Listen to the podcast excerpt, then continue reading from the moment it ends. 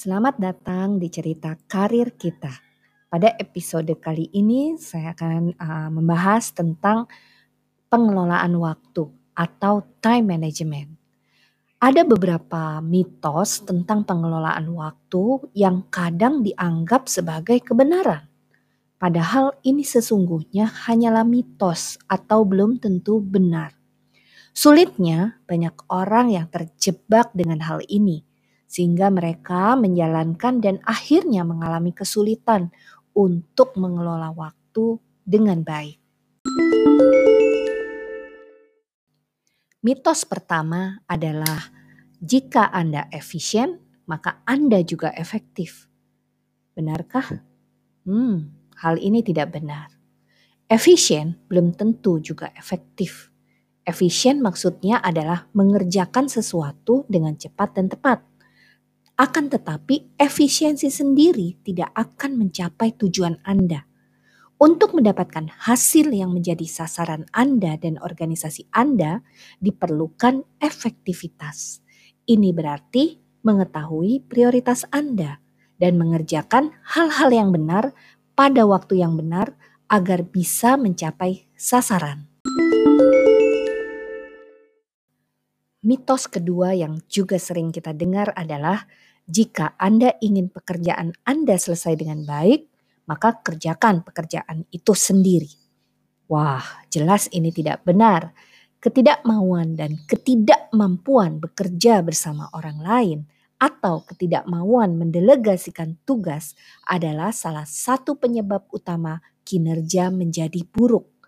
Ketika kita bisa bekerja sama dalam sebuah tim kerja atau bekerja sama dengan orang lain atau mampu mendelegasikan tugas kepada subordinat kita, maka kita juga bisa fokus melakukan hal-hal lain yang akan membuat perbedaan pada hasil kerja Anda, tentunya perbedaan untuk menjadi lebih baik. Mitos yang ketiga adalah hanya ada satu cara yang tepat untuk melakukan sebuah pekerjaan. Waduh, artinya kita hanya percaya bahwa ini adalah satu-satunya cara yang terbaik untuk melakukan sebuah pekerjaan. Tentunya ini tidak benar. Cobalah Anda mengambil waktu untuk berhenti atau mundur sebentar dan berpikir bagaimana cara lain melakukan sebuah pekerjaan menjadi lebih efisien dan efektif. Maka mungkin akan muncul ide-ide baru yang segar yang tidak pernah kita pikirkan sebelumnya. Yang mungkin saja sebagai cara yang lebih baik dalam menyelesaikan sebuah pekerjaan. Ketika kita mengambil waktu untuk memikirkan cara lain, maka Anda bisa kembali mengajukan pertanyaan dalam diri Anda sendiri. Apakah tujuan dari pekerjaan ini? Hasil apakah yang diharapkan?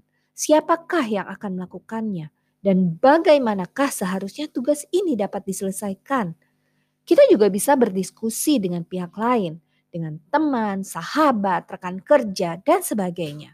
Atau banyak-banyaklah mencari referensi lain, sehingga pikiran akan menjadi kaya dengan banyak alternatif lainnya dalam melakukan sebuah pekerjaan. Nah, itu adalah tiga mitos yang kadang menjadi uh, hambatan bagi pengelolaan waktu yang lebih baik. Jadi diingat, jangan sampai terjebak dengan mitos-mitos yang tidak benar untuk mengelola waktu kita. Untuk bisa berkembang lebih baik dalam mengelola waktu, kita juga harus membuka pikiran kita dan harus bisa bersedia menerima masukan dari pihak lain. Semoga sukses kawan semua. Terima kasih sudah mendengarkan cerita karir kita. Semoga sukses dan teruslah bersinar.